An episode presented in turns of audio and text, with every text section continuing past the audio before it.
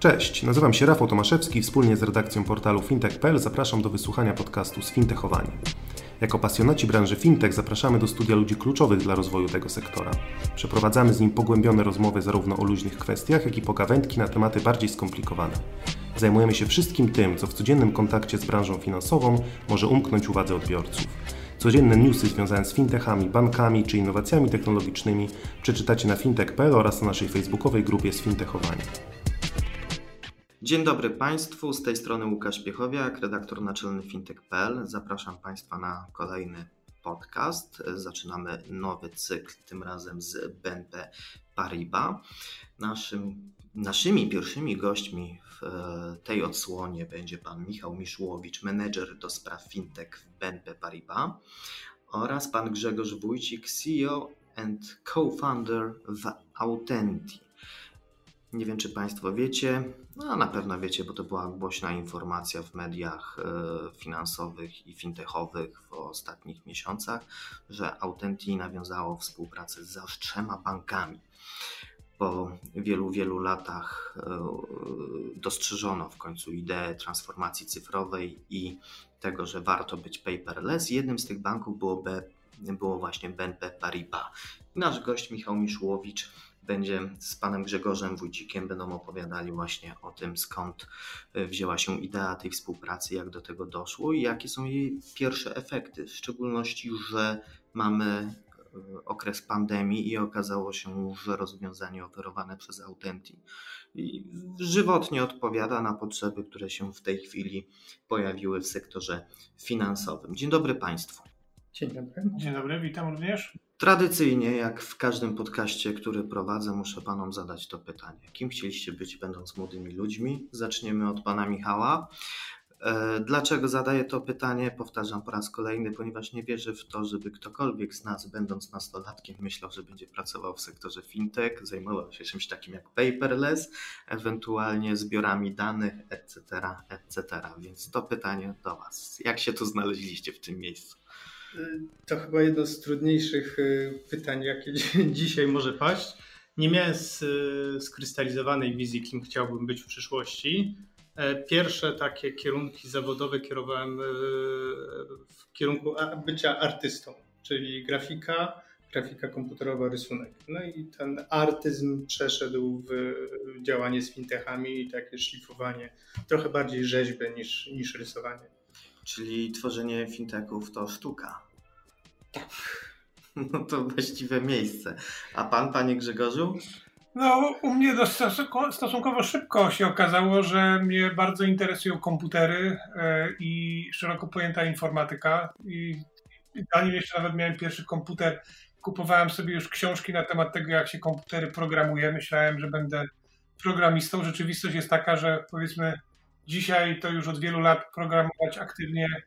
E, no, chyba ani jednej linijki kodu dawno nie napisałem, takiej profesjonalnej, ale trzeba powiedzieć, że coś mi zostało z tego, bo e, firma, którą e, stworzyliśmy, czyli Authentic, no to jest firma, która wprost stoi na fundamentach technologicznych i, i ta wiedza od tych lat młodzieńczych się przydała, ale oczywiście trzeba powiedzieć wprost, że to nie jest tak, że wyobrażenie, które miałem wówczas e, jako młody człowiek o tym, czym jest informatyka i to, co dzisiaj wiemy o informatyce i wpływu na całe społeczeństwo, no to wtedy były zupełnie inne oczekiwania. Także myślę, że nawet mogę powiedzieć, e, że wpływ tej inform informatyzacji, cyfryzacji, który dzisiaj jest, on jest dużo potężniejszy niż kiedykolwiek nam się wcześniej wydawało, że to może się e, urzeczywistnić. Także e, no, cieszę się, że cały czas działam w, w obszarze, który od początku był e, moim zainteresowaniem.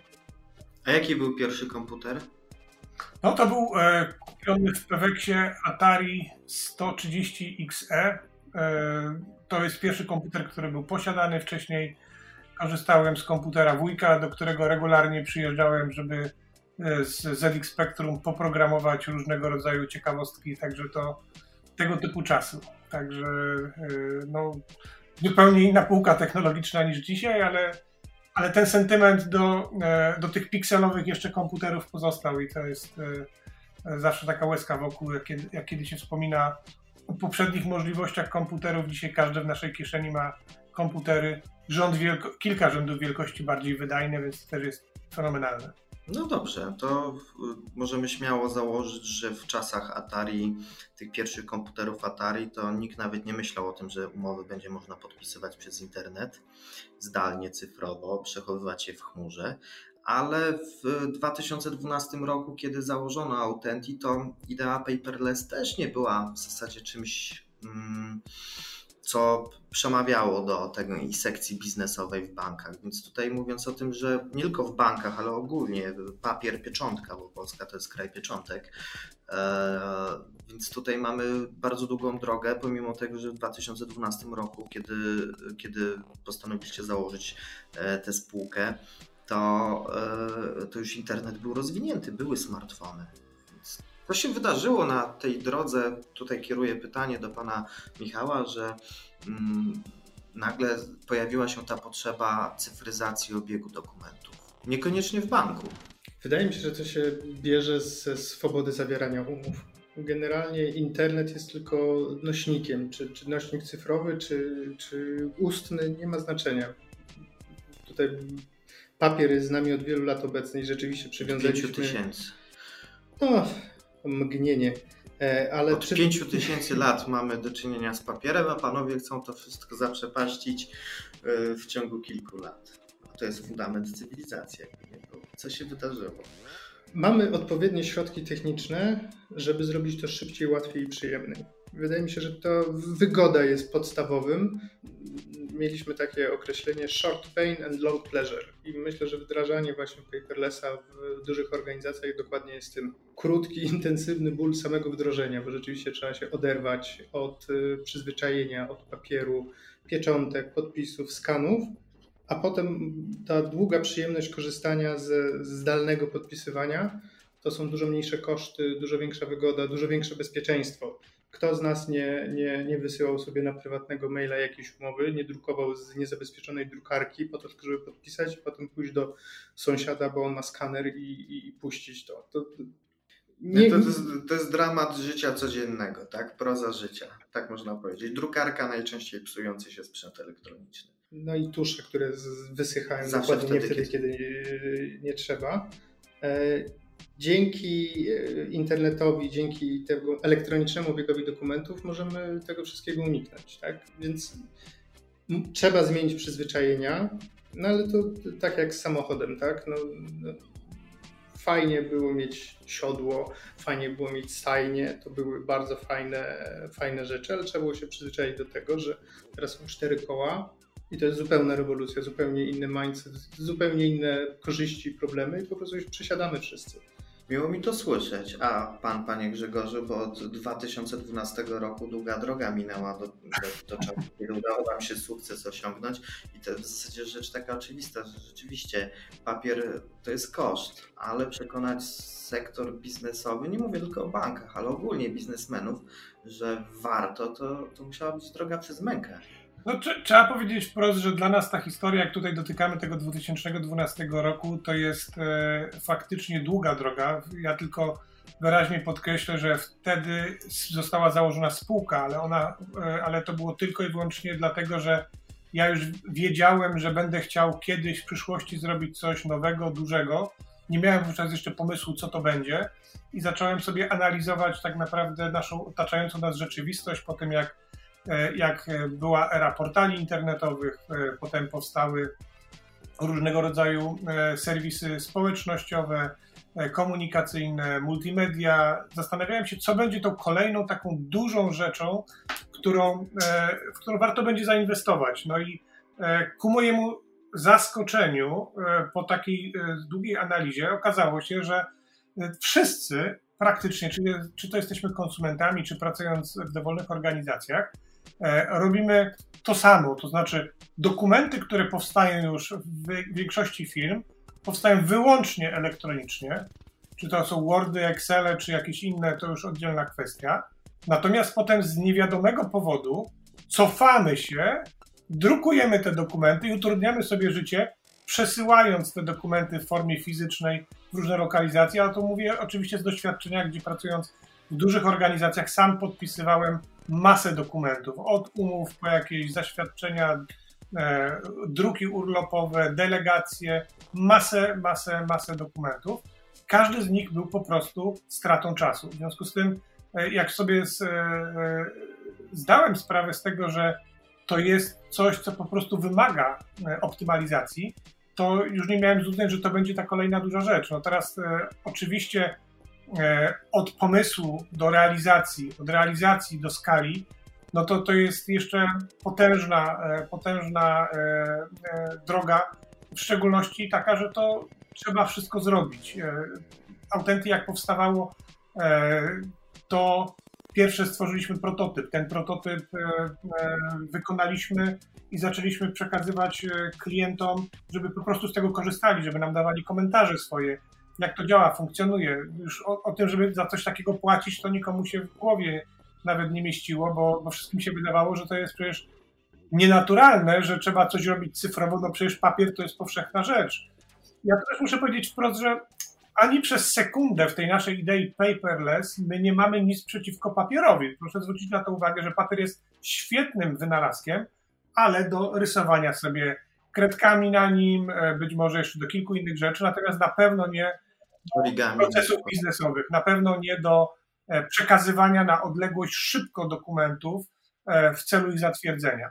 Więc to tak naprawdę jest główną motywacją, że my e, myśląc o tej depapieryzacji, myśląc o, o eliminowaniu dokumentów fizycznych, myślimy po prostu o tym, w jaki sposób można sobie usprawnić na co dzień rzeczywistość, w taki sposób, żeby to było z jednej strony wygodne, tak jak tutaj Michał powiedział, ale z drugiej strony, żeby to spełniało dodatkowe kryteria, których się też nauczyliśmy od wielu osób, z którymi rozmawialiśmy, a przede wszystkim e, kwestie zgodności z prawem oraz kwestie bezpieczeństwa. Także e, w takim połączeniu tej wygody z bezpieczeństwem i jeszcze przy spełnianiu różnych wymogów regulacyjnych e, mieści się naprawdę bardzo wiele wyzwań, pułapek, w które my przez te wiele lat wpadaliśmy. To nie ma co ukrywać. Każde, każdy pomysł to jakaś próba realizacji. To też e, jest historia, która ma w sobie wiele różnego rodzaju porażek. No i cała sztuka powstawania Authenti do dzisiaj w zasadzie polegała na tym, że było więcej sukcesów, e, e, które są istotne, niż istotnych porażek, ale z kolei ilościowo to porażek myślę było więcej niż sukcesów, więc to jest taka, taka historia faktycznie drogi przez mękę, ale konsekwentnie e, uczyliśmy się tego, co mówią klienci, tego, co mówią osoby, użytkownicy i wydaje się, że to nas doprowadziło do dzisiejszego momentu, że to wszystko zupełnie nabiera innej perspektywy, jak patrzymy sobie właśnie na tą sytuację, z, e, z którą mamy teraz do czynienia, gdzie wszyscy pracujemy zdalnie z domów e, i jakby nie wyobrażamy sobie, że możemy pojechać pociągiem w inną lokalizację, po prostu e, musimy wszystko robić zdalnie, to teraz łatwiej sobie jest po prostu uświadomić, że ten wynalazek jest po prostu nam potrzebny. Kiedyś bariery mentalne były zbyt duże, żeby przeskoczyć e, do takiej nowej rzeczywistości, a dzisiaj nam się to wydaje oczywiste. I często tak bywa z pomysłami, że w momencie, kiedy się je e, wypowie na głos i uświadomi, że to jest naprawdę racjonalne, to, to zmienia rzeczywistość. I tak, tak chyba w Panie Grzegorzu, przepraszam, że przerwę, ale wspomniał Pan o kwestiach regulacyjnych. Tak się zastanawiam, no bo jednak prawo w Polsce nie było przychylne idei pa- paperless przez wiele, wiele lat. I zastanawiam się, ile opinii prawnych musieliście wyprodukować, zamówić, żeby, żeby przekonywać. Ja myślę, że to nawet nie jest kwestia liczby opinii prawnych. Znaczy, jak my jak startowaliśmy z projektem, to, y, to prawo w Polsce pozwalało oczywiście na y, podpisywanie dokumentów cyfrowo. Natomiast to nie jest kwestia tylko i wyłącznie prawa, ale też y, przyzwyczajenia, dlatego że przepisy od wielu lat pozwalały na podpisywanie dokumentów w sposób cyfrowy, tylko że dla niektórych dokumentów forma, która była wymuszona niektórymi szczegółowymi ustawami była zastosowana wyłącznie w formie pisemnej, a więc musieliśmy przejść przez to. W 2016 roku e, weszło unijne rozporządzenie EIDAS, które zmieniło całą europejską rzeczywistość, zharmonizowało przepisy e, w zakresie podpisów elektronicznych w całej Europie, e, co też wymusiło aktualizację przepisów również w Polsce. I to otworzyło wraz z nowelizacją kodeksu cywilnego zupełnie nowy rozdział w, w idei praktycznego zastosowania podpisu elektronicznego. No to są kwestie prawne, wiadomo, że tego było bardzo dużo. Moje pytanie do BNP Paribas, bo Panie Michale, Bodajże dwa lata temu wypuściliście raport o zaklinaniu słonia. Bardzo ciekawy tytuł. On dotyczył współpracy ze startupami, a współpraca Authentic z BNP Paribas zaczęła się w sumie w 2016 roku. Więc tutaj od tej strony banku, jak ta współpraca mogła wyglądała, na czym to polega i w zasadzie do czego ona doprowadziła, to wiemy, ale jak do tego doszło? Sam proces jest ciekawy. Sam proces był dosyć ciekawy. W 2016 roku e, organizowaliśmy po raz pierwszą edycję e, międzynarodowego wydarzenia BNP Paribas International Hackathon.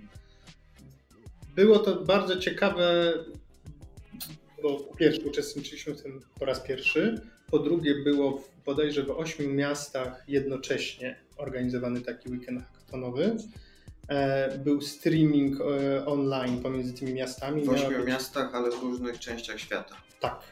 W ośmiu miastach, w ośmiu krajach, na kilku kontynentach. Zespoły y, pracowały nad konkretnymi wyzwaniami biznesowymi i miały pod ręką przedstawicieli banku. I to byli nie tylko ludzie tacy jak ja, którzy lubią współpracować ze startupami, ale był też e, pion prawny, był pion zapewnienia zgodności, było IT security, e, byli nasi architekci, programiści, cały przekrój organizacyjny tych ludzi, od których zależy wdrożenie jakiegoś rozwiązania, jakiejś technologii. Cały łańcuch. Tak, tak. Przekrój od e, Krakowa do Warszawy w naszym przypadku plus eksperci zewnętrzni z dużych korporacji, z firm, które też współpracują ze startupami. No i tam mm, poznaliśmy się z Grzegorzem. Ja lubię o tym opowiadać, bo z Grzegorzem poznaliśmy się w, sob w sobotę rano przy ekspresie do kawy, bo nie działał. Jak, jak to zwykle bywa na hackathonach, to większość osób to są programiści. Więc y, myślałem, że tutaj programista, inżynier wspólnymi siłami uruchomimy ten ekspres. No i niestety ekspres nas pokonał. Po pół godziny nierównej walki musieliśmy poprosić pana z obsługi, żeby przyszedł i okazało się, że trzeba włączyć do prądu.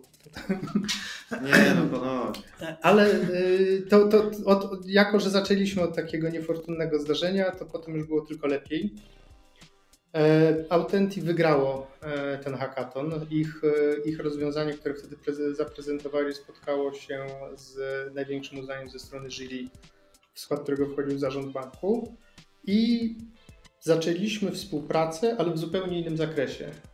Tutaj Authenti zaprezentowało inne rozwiązanie na hackathonie mm, i jak to startup spiwotowało i rozpoczęło rozmowy właśnie w sprawie paperlessu, w sprawie obsługi kredytów gotówkowych e, bez umowy papierowej. Do tego przejdziemy za chwilę, bo ja mam pytanie do pana Grzegorza. E, jak to się stało, że wzięliście udział w tym hackathonie? Trochę szczęścia, trochę przypadku, trochę, trochę odwagi. Klasyka, tak bym powiedział, startupowa. Natomiast, no co, no, usłyszeliśmy o tym, że BNP Paribas organizuje hackathon, który E, naprawdę miał niesamowitą formułę, bo, e, bo do dzisiaj ja nie widziałem takiego drugiego hackathonu, w którym jednocześnie z kilku kontynentów e, łączą się osoby z różnych obszarów, bo to nie jest tylko tak, że to był obszar fintechowy. Te startupy były w bardzo różnych, w bardzo różnych działaniach. Oczywiście jest wiadomo, że ukierunkowane na to, co dobrego mogą dla banku zrobić, ale, ale, ale widać było, że, że to, ten ten, ten rozstrzał pomysłów był dość spory. I e, po prostu postanowiliśmy, że pakujemy się wszyscy w samochód, jedziemy do Warszawy, bo tutaj musieliśmy całą ekipę z Krakowa przewieźć i zobaczymy, co się wydarzy. Znaczy, nie, nie mieliśmy żadnych e, oczekiwań w stosunku do tego projektu, za wyjątkiem dobrej zabawy. Myślę, że to też nam dużo pomogło, ale najważniejsze jest to, co powiedział Michał, że e, tam udało się zrobić mega fajną rzecz, że w jednym miejscu byli przedstawiciele wszystkich kluczowych działów banku. I jak my mieliśmy pomysł e, na, e, na produkt, na, na funkcjonalność, to my bardzo dużo czasu, powiedziałbym, większość pierwszego dnia spędziliśmy po prostu na rozmowach z pracownikami banku, którzy nam mówili, dlaczego coś nie działa, a jakby sobie to wyobrażali, a co stoi na przeszkodzie, e, aby.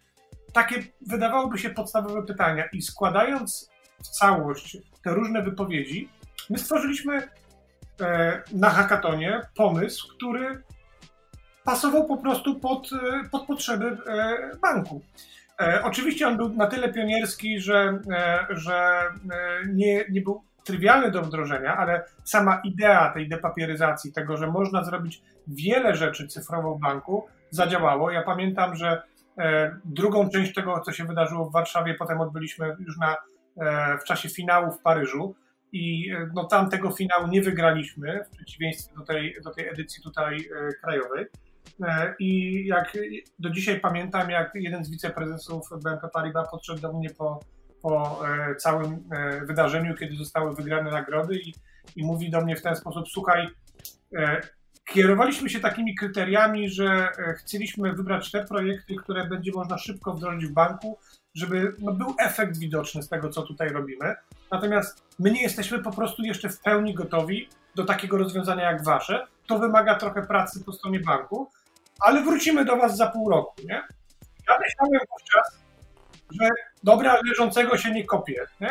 Fajne słowa, miło będzie, ale ku naszemu zdziwieniu, pół roku później przychodzą przedstawiciele BNP Paribas i mówią, korzystając z tego doświadczenia, które tam było, mamy pomysł, chcemy zrobić coś innego niż było na hackatonie e, i czy wy jesteście w stanie temu tutaj podołać? Co więcej, to nie było takie trywialne, bo to nie było tak, że startup coś zrobił, tylko normalnie był ogłoszony przetarg międzynarodowy na zbudowanie konkretnej funkcjonalności właśnie pod ten kredyt ratalny.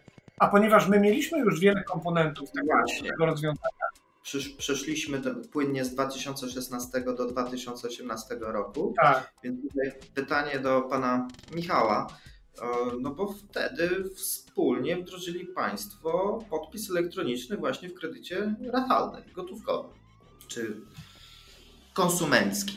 O, tak będzie najłatwiej. Y, ta depapieryzacja umów miała na celu poprawienie procesu biznesowego zawierania tychże umów z klientami. Ja pamiętam, że byłem na konferencji, kiedy Państwo ogłaszali tę wspólną inicjatywę, ale zastanawiałem się też, jak do tego doszło. Że tutaj już wiem, że doszło do tego, że hackathon był pierwszym takim źródłem nawiązania współpracy, ale później też wiele rzeczy musiało się zdarzyć po stronie biznesowej i tutaj pytanie do pana Michała. Dlaczego tak długo? W naszym świecie to był błysk. Mm. E, dwa Mik. lata to, to, to jest mgnienie między w bankach czy, czy w ogóle w korporacjach. To jest w ogóle jedna z rzeczy, które, na które zwracamy. To jest informacja dla startupów. Dla Was dwa lata to jest e, eon, tak? a w banku to jest w zasadzie chwila.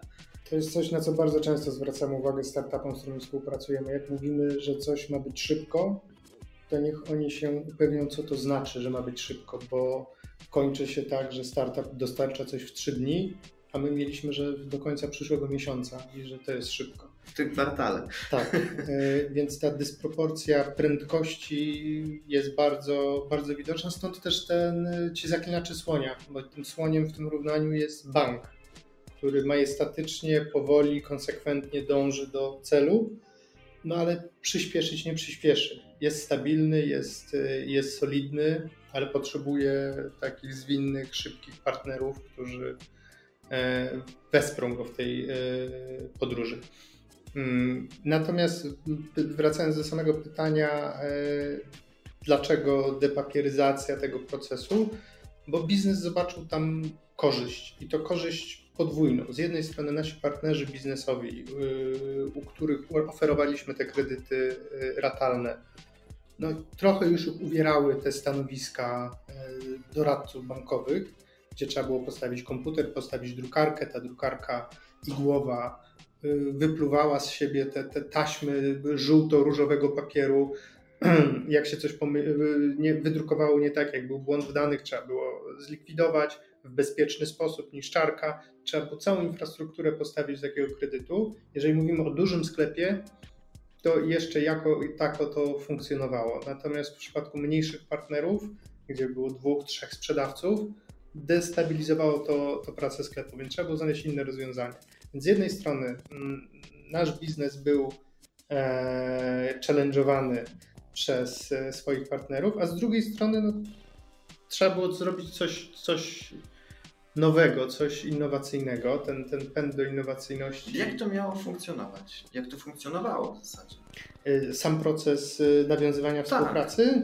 Sam proces nawiązywania współpracy to w zasadzie mamy omówione, ale to rozwiązanie, jak ono działało? Ja może powiem w skrócie, jak to rozwiązanie działa, bo myślę, że ono też tutaj e, trochę lepiej przybliży. Mamy, e, mamy e, kilku istotnych graczy. Z jednej strony jest bank, który udziela kredytów ratalnych. Z drugiej strony mamy punkty sprzedaży, w których odbywa się e, transakcja, bo tam jest towar, którego potrzebują klienci, czy też to będzie najnowszy model telefonu komórkowego, czy to będzie telewizor na raty, czy cokolwiek innego. I z trzeciej strony mamy właśnie konsumenta, użytkownika, który chce kupić coś e, szybko e, i właśnie na raty.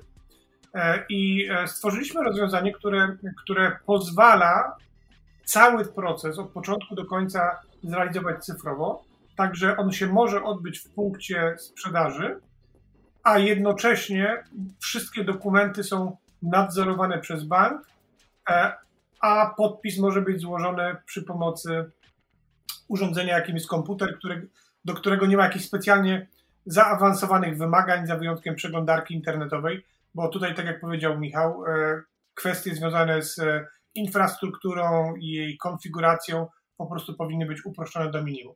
I my wówczas, e, korzystając z naszego rozwiązania podstawowego, jakim, jakim był Authenti, czyli to jest ta platforma, którą wszyscy mogą zobaczyć po wejściu do, do systemu, po, po wysłuchaniu szczegółowych potrzeb banku, jak działa w ogóle cały proces biznesowy, z jakich dokumentów się składa, jak, jak to wyglądało w tym świecie analogowym, po prostu podeszliśmy do tego w ten sposób, że zmapowaliśmy te rozwiązania na e, wersję cyfrową, usuwając niektóre elementy, które były zbędne, dodając pewne rzeczy, które po prostu są charakterystyczne dla rzeczy cyfrowych i dostosowaliśmy naszą platformę do tych potrzeb, także wpasowując się idealnie w potrzeby tutaj klienta, jakim był bank, ale z drugiej strony też e, myślę, że można śmiało powiedzieć, że e, testowaliśmy ten proces w wielu różnych przypadkach, dlatego że e, on potem ewoluował nie tylko i wyłącznie do samego zawierania e, umów kredytu ratalnego, ale on jest bardziej uniwersalny.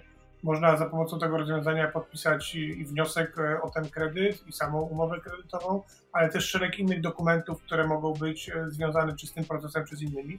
A więc to nam pozwoliło też z perspektywy Autenty rozbudować nową linię produktową, jaką jest rozwiązanie dla, dla banków czy dla sieci punktów sprzedaży partnerskiej, e, która pozwoli cyfryzować dokumenty i w ten sposób upraszczać proces, no bo po stronie banku to jest masa oszczędności, e, a przede wszystkim e, też pewność, że rzeczy się wydarzyły, bo rzeczy się dzieją od razu tu i teraz na systemach teleinformatycznych i albo coś jest podpisane i to wiadomo, albo, albo wiadomo, że jest niepodpisane, podczas gdy w wersji papierowej to nawet jak coś zostało sfinalizowane papierem, zanim to trafiło do centrali banku, zanim ktoś to zweryfikował, i jak się wtedy okazało, że coś jest nie w porządku, bo ktoś się pomylił, źle podpisał albo coś źle wypełnił, no to odkręcanie tak, takiego analogowego procesu to jest dopiero droga przez mękę. Więc proszę zwrócić uwagę na to, jak to bardzo przyjemnie uprościło cały proces biznesowy. Nie tylko sam fakt tego, że nie ma papieru, tylko te konsekwencje wynikające z cyfryzacji, one są znacznie szersze i znacznie bardziej e, efektowne e, od strony e, kosztowej, niż by się wydawało w pierwszej kolejności, że to jest tylko kwestia papieru i druku. To jest znacznie więcej. Bank zmieniającego się świata, BNP Paribas, przykłada dużą uwagę do szlifowania biznesowych diamentów z tego co widzimy. Więc mamy 2018 rok, mamy to wdrożenie. No i teraz przechodzimy do kolejnego etapu tego dużego, nawiązania tej już dużej współpracy, gdzie trzy banki wręcz zainwestowały w e, Autenti. E, może też tak na marginesie zadam pytanie, ono mi się później przyda, nie zdradzę jeszcze w czym. Skąd się wzięła nazwa Autenti? Nazwa Autenti wzięła się z tego, że chcieliśmy Oczywiście szukaliśmy różnych pomysłów, ale chcieliśmy podkreślić wartość, jaką dostarcza nasz produkt. A podstawową wartością, którą nasz produkt dostarcza, to jest fakt potwierdzenia, że do, dany dokument został podpisany, że jest autentyczny, że jest e, oryginałem, okay. że jest oryginałem. Czyli, to jest prosta historia, autenti, autentyczny. Tak jest. No dobrze. E, ale przechodząc już tutaj do, do, jeszcze raz do banku, no i to szlifowanie biznesowego diamentu, dwa lata, kolejne mignięcie, błysk w zasadzie i mamy e, dużą współpracę. To jest związane z naszym podejściem do, do rynku fintech, do, do, generalnie do startupów.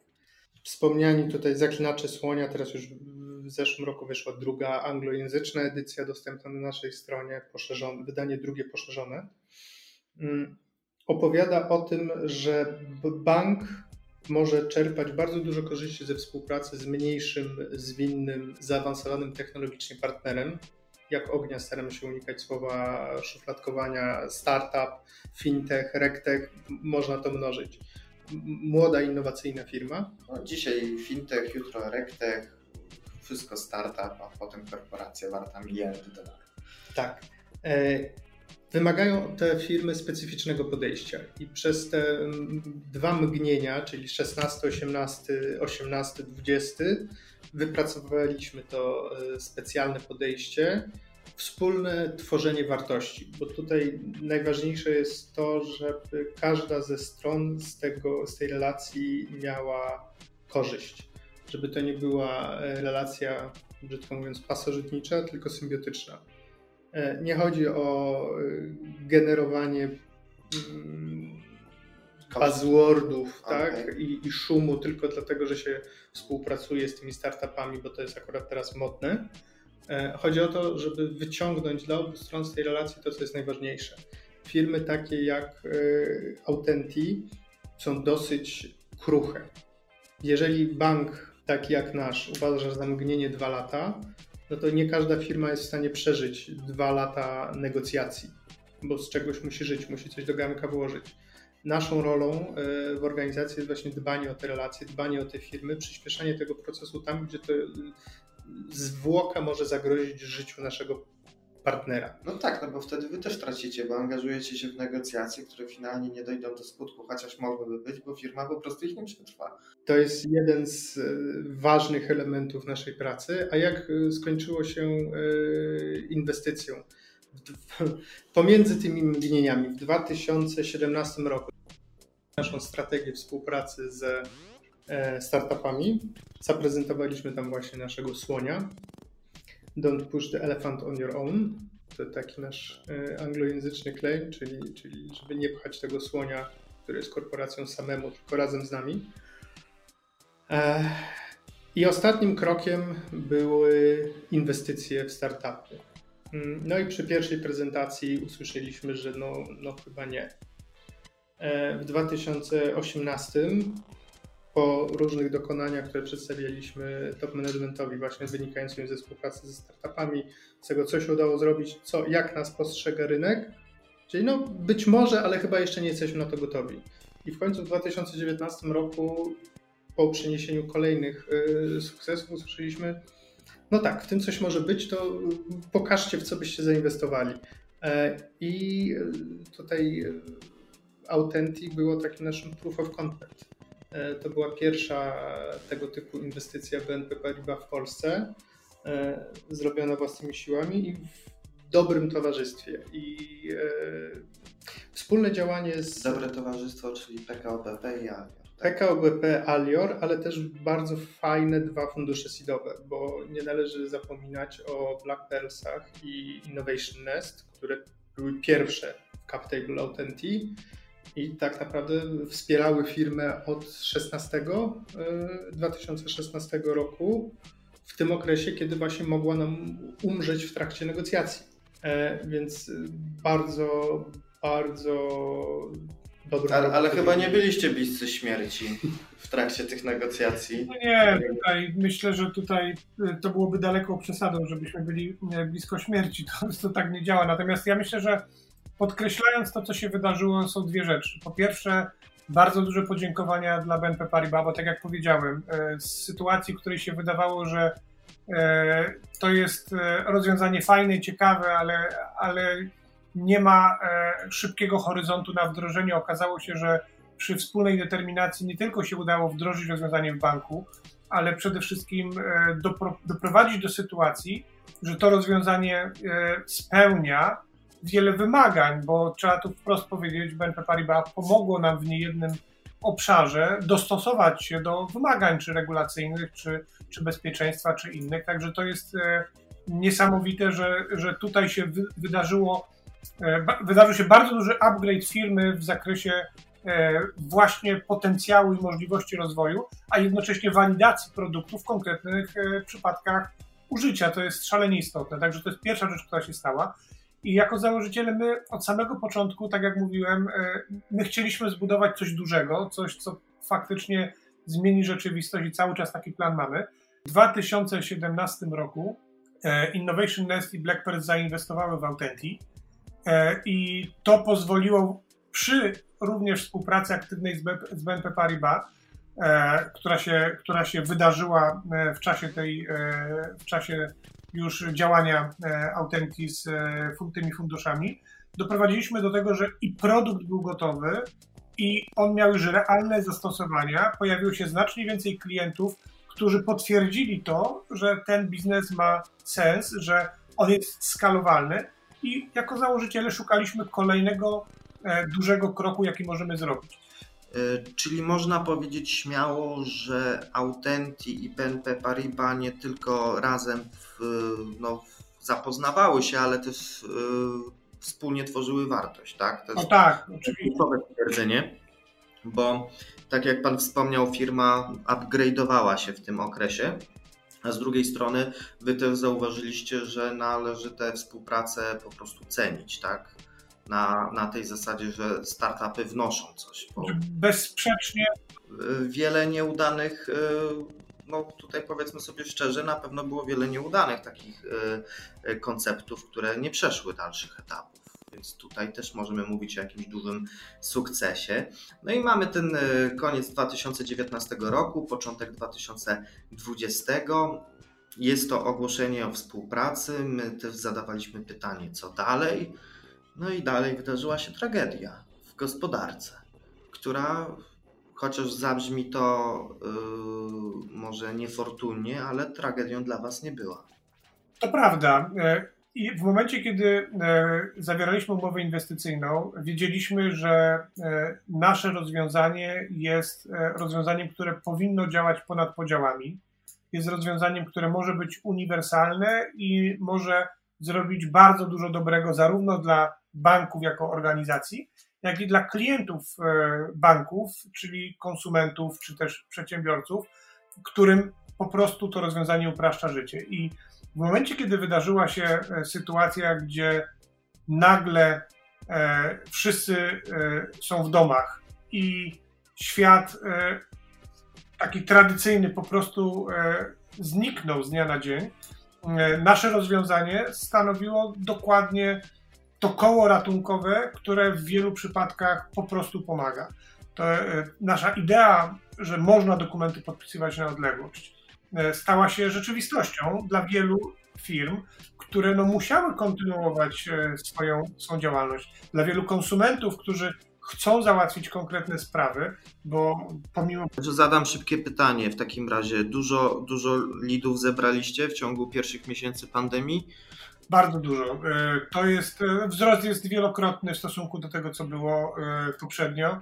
My tak się tutaj patrzymy na to i tak nie dowierzamy nawet niektórym liczbom, ale prawda jest taka, że nas zaskoczyło to. Znaczy, my, my byliśmy przygotowani, że pracujemy raczej w takim długodystansowym maratonie i krok po kroku będziemy budowali konsekwentnie wzrost firmy. Tymczasem to, e, to uderzenie e, było o tyle duże, że sami nie byliśmy w wielu miejscach przygotowani. Mieliśmy plan rekrutacji, mieliśmy plan z, z, zwiększenia e, wydajności firmy, bo tu nie mówimy tylko i wyłącznie o kwestiach technologicznych. To jest jak w każdej organizacji, obsługa klienta, jakość obsługi, to jest wszystko związane zawsze z ilością osób, które są wewnątrz organizacji.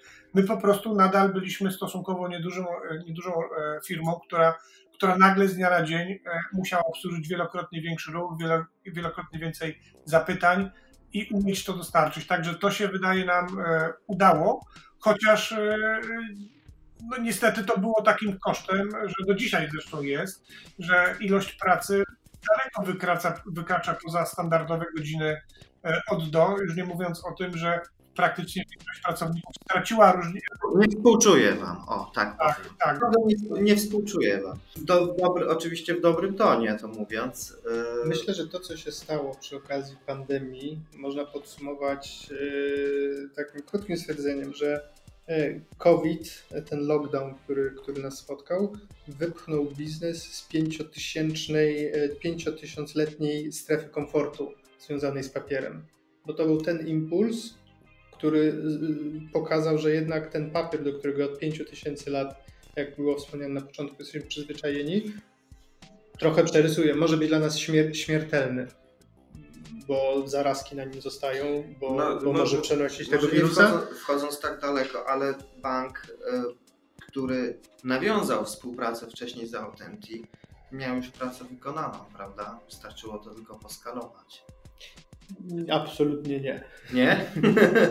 Absolutnie nie. Każde, każde wdrożenie y, technologicznie to, to jest najmniejszy problem, bo platforma self-service Authentic, o której pewnie Grzegorz chętnie zaraz opowie, jest banalnie prosta. Ciężko się o niej mówi, bardzo prosto się jej używa.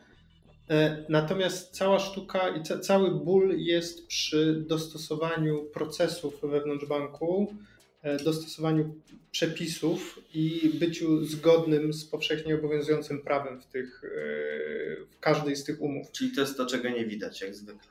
Tak, to jest to, czego nie widać to są tysiące roboczo godzin spalonych na, spalonych, przeznaczonych na, na, na dyskusję, czy można tutaj usunąć y, umowa w formie pisemnej pod rygorem nieważności, czy gdzieś jeszcze ten przeklęty zapis istnieje i tak po nitce do kłębka. Trzeba dostosować procesy, bo tak jak my tutaj się spotykamy, jeżeli ja bym wyjął teczkę w tej chwili, przedstawił umowę do podpisu, ten proces jest łatwy do wyobrażenia, do, do przełożenia na nomen omen papier, do zrealizowania. Natomiast jeżeli włożymy tutaj kanał cyfrowy, to nie jest proste przesłanie pliku w jedną i w drugą stronę.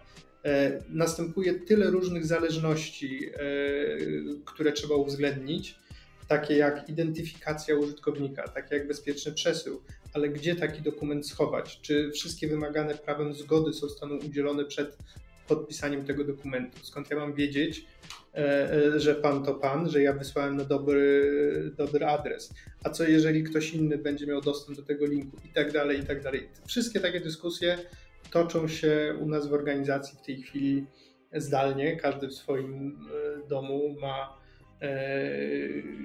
mini biuro do spraw paperless E, doktoryzuje się na ten temat i z prawnikami, i z IT security. Więc każde wdrożenie jest absolutnie inne, mimo że to jest to samo narzędzie. Właśnie, to jest, to jest bardzo ciekawe, bo e, to co, e, to, co Michał powiedział, to pokazuje istotę sprawy. To nie jest kwestia tego, że tylko i wyłącznie technologia rozwiązuje problem, bo wiele z tych wdrożeń polegały głównie na tym, że trzeba uświadomić sobie, że aktualny stan prawny oraz aktualny stan y, y, procesów biznesowych w organizacji może wykorzystać to narzędzie, ewentualnie jak dostosować te rzeczy, aby z tego narzędzia skorzystać. I to jest budowanie tak naprawdę świadomości, więc faktycznie pandemia nam pomogła w tym zakresie, że odblokowuje czas ludzi na myślenie o tym, że można pewne rzeczy usprawnić. E, i e, dokonuje tej rewolucji tak naprawdę umysłowej, bo technologicznie my moglibyśmy te same rzeczy wcześniej e, zrobić, zintegrować, ale dopóki dział prawny, dopóki dział compliance, dopóki dział sprzedaży, dopóki dział obsługi klienta nie nauczy się tego, że można zrobić rzeczy, które robili inaczej, w nowy sposób, rewolucyjny, to dopóty nie będzie wdrożenia realnego, więc to jest jedna... Ale po się nie chcieli nie nauczyć, po prostu to jest y, proza życia, tak? No i ten ogrom pracy, którą trzeba wykonać, żeby doszło do tego. Ale najważniejszy efekt jest taki, że dzisiaj widać, że nie trzeba żyć z tymi problemami e, samodzielnie, bo tą ścieżkę przetarli już więksi przetarli ci, którzy to zweryfikowali na wiele różnych sposobów. Dzisiaj mamy bardzo konkretne przypadki użycia e, i pewne wariacje w produkcie. Jakby te inwestycje e, związane z różnego rodzaju podpisami, czyli umożliwieniem podpisywania dokumentów również e, kwalifikowanymi podpisami elektronicznymi, ale jednocześnie nie wymuszając, że to jest jedyna formuła zatwierdzania dokumentów, dając pełen wachlarz możliwości, pokazaliśmy rynkowi, że można dokonać tej rewolucji. Mamy wszystkie niezbędne narzędzia, żeby tą rewolucję brać garściami, z niej korzystać e, i zastosować do własnych e, celów, do własnych przedsiębiorstw, czy do własnej działalności nawet prywatnej, jeśli mówimy o konsumentach. Tylko. Powoli musimy zmierzać do końca już naszego podcastu. Myślę, że dla naszych słuchaczy ten ogrom informacji, które zostały przekazane, e, no może być, wymagać powtórnego przesłuchania.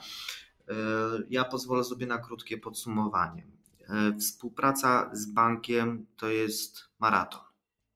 Ale maraton, jak się w nim biegnie wytrwale, dochodzi się do mety i e, spija się naprawdę szampana sukcesu.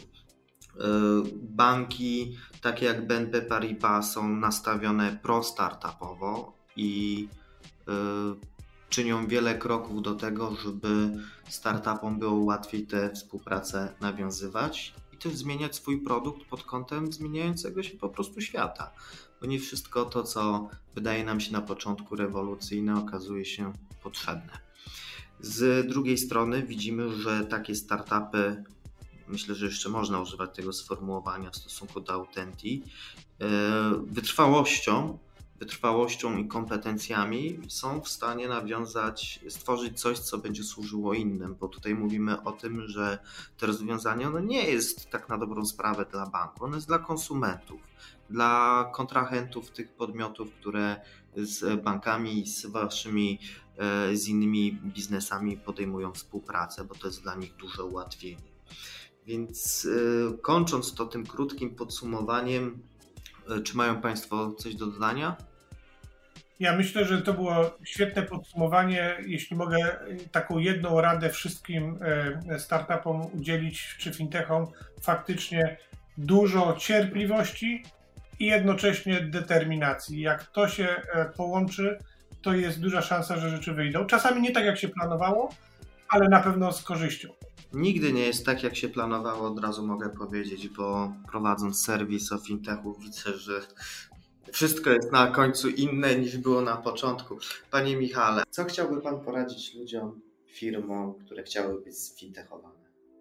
Żeby zastanowić się, jaką wartość chcą wygenerować i dla kogo. Y, Ale nie chodzi o walutę. Nie, wartość dla klienta końcowego. Kto jest tym klientem i jaką wartość mu się przyniesie. Y, czy to, co chce się sfintechować, jest fintechowalne? Na razie. Mówiąc tak brzydko. Czy ma to sens? Bo być może to, że nikt tego jeszcze nie zrobił, nie oznacza, że, że jest się takim innowacyjnym, tylko po prostu dane rozwiązanie nie ma sensu albo wręcz jest nielegalne. To, to, to, dobrze. To jest rzeczywiście dobra rada dla e, fintechów, żeby sprawdziły, czy ich rozwiązania są legalne. E, no ale zgadzam się z tym, bo to jest rzeczywiście kluczowe dla, dla powodzenia i sukcesu przyszłego. Zresztą, zresztą nie wolno się chyba poddawać, nigdy nie wolno się poddawać. Coś, co dzisiaj wydaje się obarczone wieloma barierami, za jakiś czas tych, te bariery znikają. Ja Państwu bardzo dziękuję za udział w tej rozmowie. Myślę, że ona była interesująca dla naszych słuchaczy w wielu punktach, a w szczególności w tej ścieżce dochodzenia do tej współpracy i nastawienia banku i fintechu Widać, że tutaj też anegdotyczne pojawiły się elementy. Ja z mojej strony chciałem powiedzieć, że to fajnie naprawdę wyszło, że e, obserwując Autenti od wielu, wielu lat i też widząc, że BNP Paribas e, no, miało i ten raport i rozpoczęło wcześniej te działania ze startupami, że to prowadzi do celu jakiegoś. Bo czasami jest tak, że y, Państwo o tym wspomnieli, że za pół roku porozmawiamy, że, do tego, że nie, nie wracamy do tych rozmów, że nie ma kontynuacji wcześniej podjętych działań, a tu widać, że to, co zostało zbudowane wcześniej, procentuje w przyszłości. Dziękuję Państwu za uwagę. Moimi gośćmi był Pan Michał Miszułowicz, menedżer do spraw fintech BNP Paribas. Dziękuję bardzo. Oraz Pan Grzegorz Wójcik, CEO and co-founder w Autendi. Dziękuję również bardzo. A ja zapraszam Państwa na kolejny podcast, który pojawi się już wkrótce i mam nadzieję, że będzie równie ciekawy.